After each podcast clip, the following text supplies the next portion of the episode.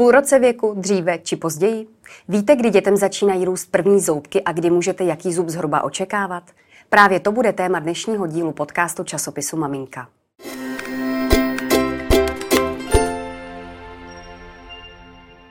Naším hostem je Kamila Cmíralová, stomatoložka z Dental Office. Dobrý den, paní doktorko. Dobrý den.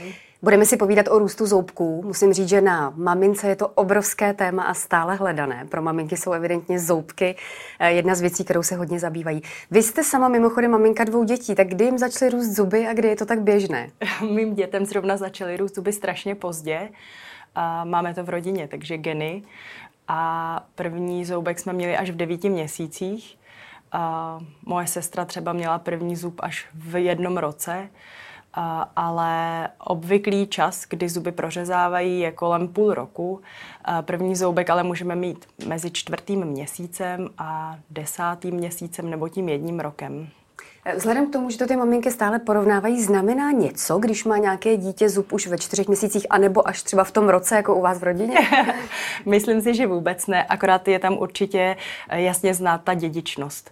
Takže pokud máme pocit, že to dítě už bychom chtěli, aby ten první zoubek měl a furt ho nemá, tak se zeptat eh, svý maminky, kdy jsme měli první zub my, nebo kdy náš manžel měl první zub a eh, zbytečně si nedělat obavy, protože myslím si, že se nemusíme striktně striktně držet těch tabulek a řešit nějaký měsíce, měsíc tam. Každé dítě je individuální a je to znát i v tom prořezávání zubů. Jako ve všem ostatním, v chůze mluvení a přesně, dalších přesně. těchto věcech.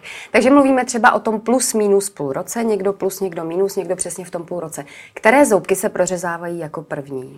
A jako první se prořezávají řezáky, nejčastěji dolní, dolní jedničky, dolní dvojky, potom obvykle následují horní jedničky, horní dvojky a, a potom se prořezávají čtyřky. Takže to občas rodiče vyděsí, že to nejde jako postupně. Jednička, dvojka, trojka, čtyřka, pětka, ale že obvykle je to teda jedna, dva, čtyři, tři a pět. Uh-huh. A ten časový horizont od toho prvního zoubku, nebo je to taky úplně individuální? Jestli je třeba x zubů v řadě, anebo může být jeden, pak dlouho nic? Jak to je tohle?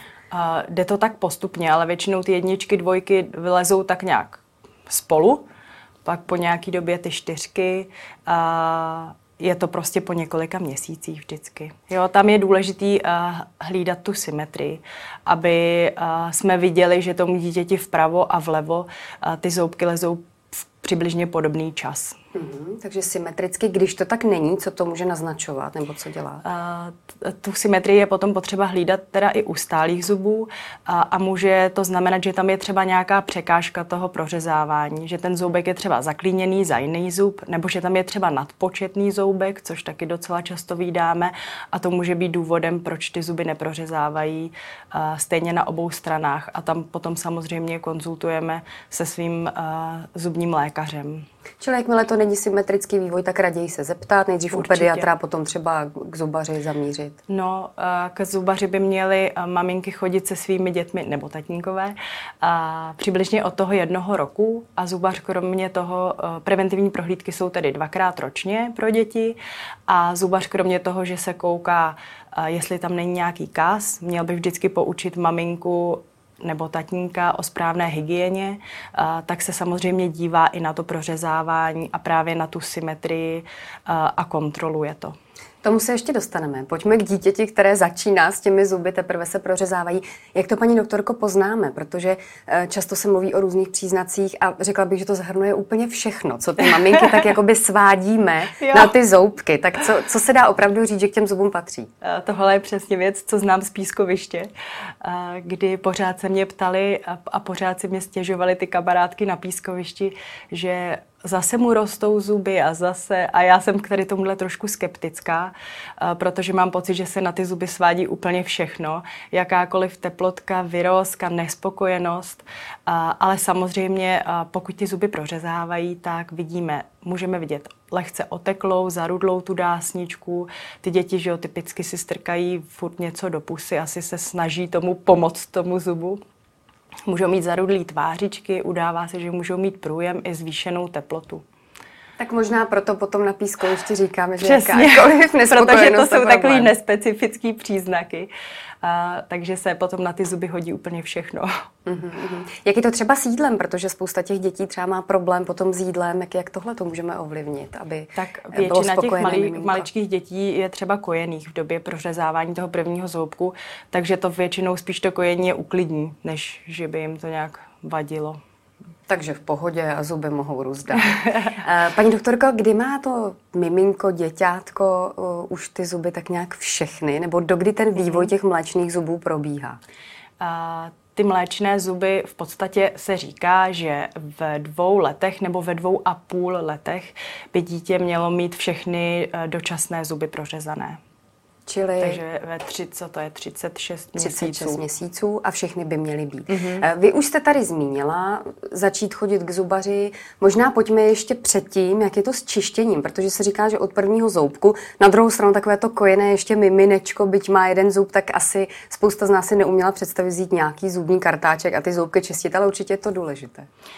Je to strašně důležité, protože bohužel dětí s časným kazem je obrovské množství a je to strašná škoda, protože ten kaz je opravdu jako preventabilní, takže si s tím můžeme krásně poradit, aby se nám ty kazy neudělaly u toho dítěte. Je to samozřejmě náročnější, pokud ten zub prořeže ve čtyřech měsících, ten první, ho začít čistit, než když prořeže v roce.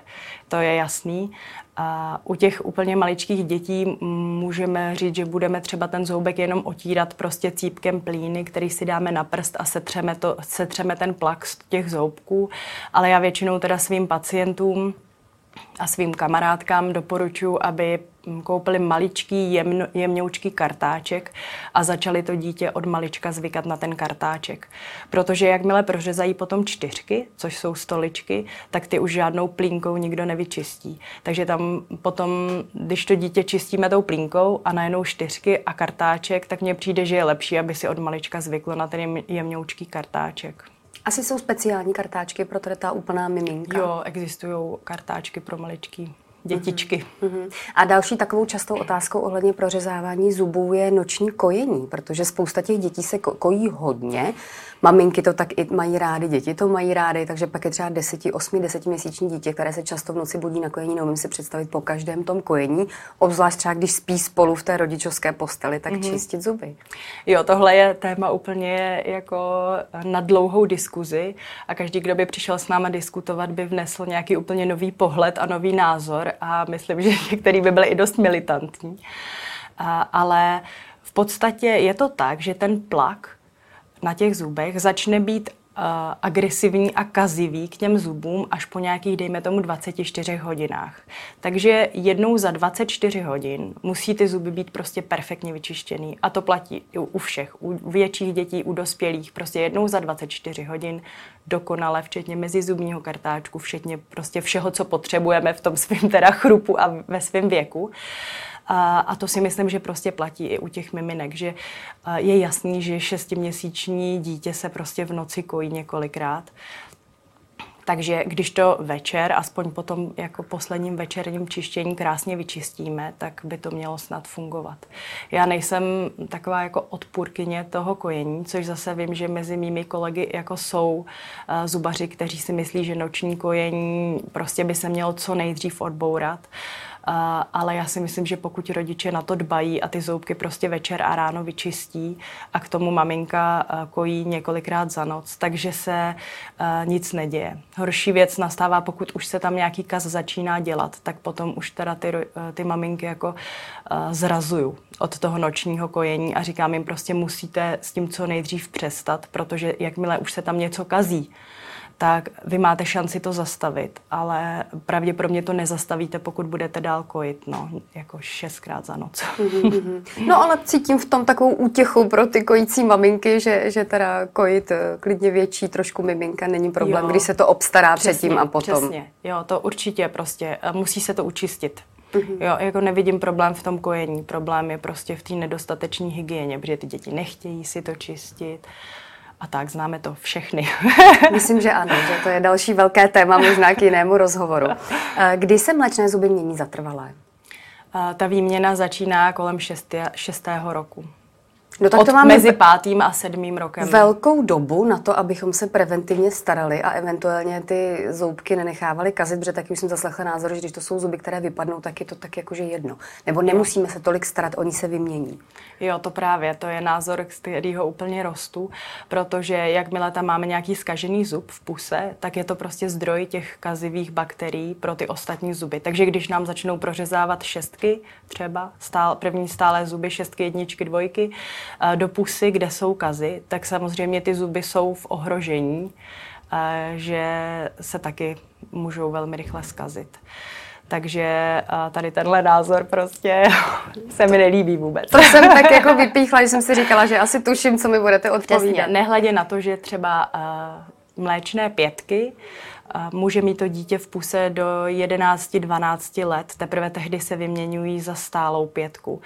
Takže pokud necháme tomu dítěti zkazit druhou druhou mléčnou stoličku, pětku, necháme mu ji ve čtyřech letech zkazit, tak ono by tam ale mělo mít ještě dalších 8 let, takže je to prostě problém, protože pokud ten zub třeba musíme předčasně vytrhnout, tak se nám zase začnou ty zuby posouvat, a ten mléčný zub potom nedrží místo pro stálý zub, takže a už, už v tom nějak jako jedeme. Takže to není řešení prostě ten zub vytrhnout a čekat na nový. No, má to ale důsledky. dost často k tomu jako musí dojít. Pokud je tam mm-hmm. třeba velký kas, tak to někdy jinak nejde, než ten zub vytrhnout, ale prostě už nějaký důsledky to má. Není to jen tak, že to vytrhneme a je to jedno, protože to byl mléčný zub jedno to není, no. Jasně. Dá se, paní doktorko, třeba říct, po jaké době špatné péče se ty zuby mohou začít kazit? Pozná to nějak rodič? Asi, asi ne, pravděpodobně, protože vím, že občas i ty kazy objeví třeba na pravidelné prohlídce ten stomatolog a člověk o nich ani neví, mm-hmm. i dospělí. Mm-hmm. Máme nějakou možnost, nebo dá se říct, jestli po dvou měsících, kdybychom to tak jako flinkali, to čištění, už se začne něco dít, nebo nedá se jo, to tak? to nevím a myslím si, že to bude hodně individuální. Mm-hmm. Taky možná podle dědičnosti, ne? Nebo tady těch dalších Já, trošku aspektů. asi jo, trošku asi jo. Ale každopádně jako čistý zub neonemocní. Tak. Takže pokud ho prostě budeme udržovat čistý, tak se neskazí.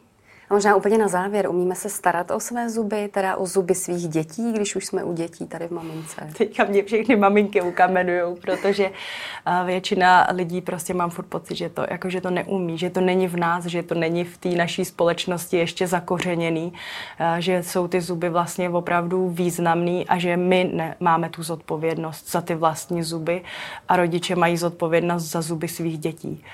Takže mm, to doufám, že to jako tohle vědění, že jednou se dostane prostě do všeobecného povědomí a všichni budou vědět, že prostě to musí vyčistit.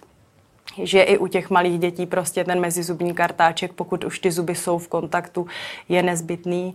A a hlavně přestanout spát to sladký pití, protože z toho já úplně šílim. tak už vás nenecháme dlouho šílet a snad i tenhle rozhovor přispěje k tomu, že ta, ta, součást, ta, ta součást té péče o sebe bude znamenat i ty zuby a zuby našich dětí. Děkuji paní doktorce Kamile Smíralové z Dental Office a těšíme se na nějaké další setkání. Naschledanou. Naschledanou, já taky děkuji.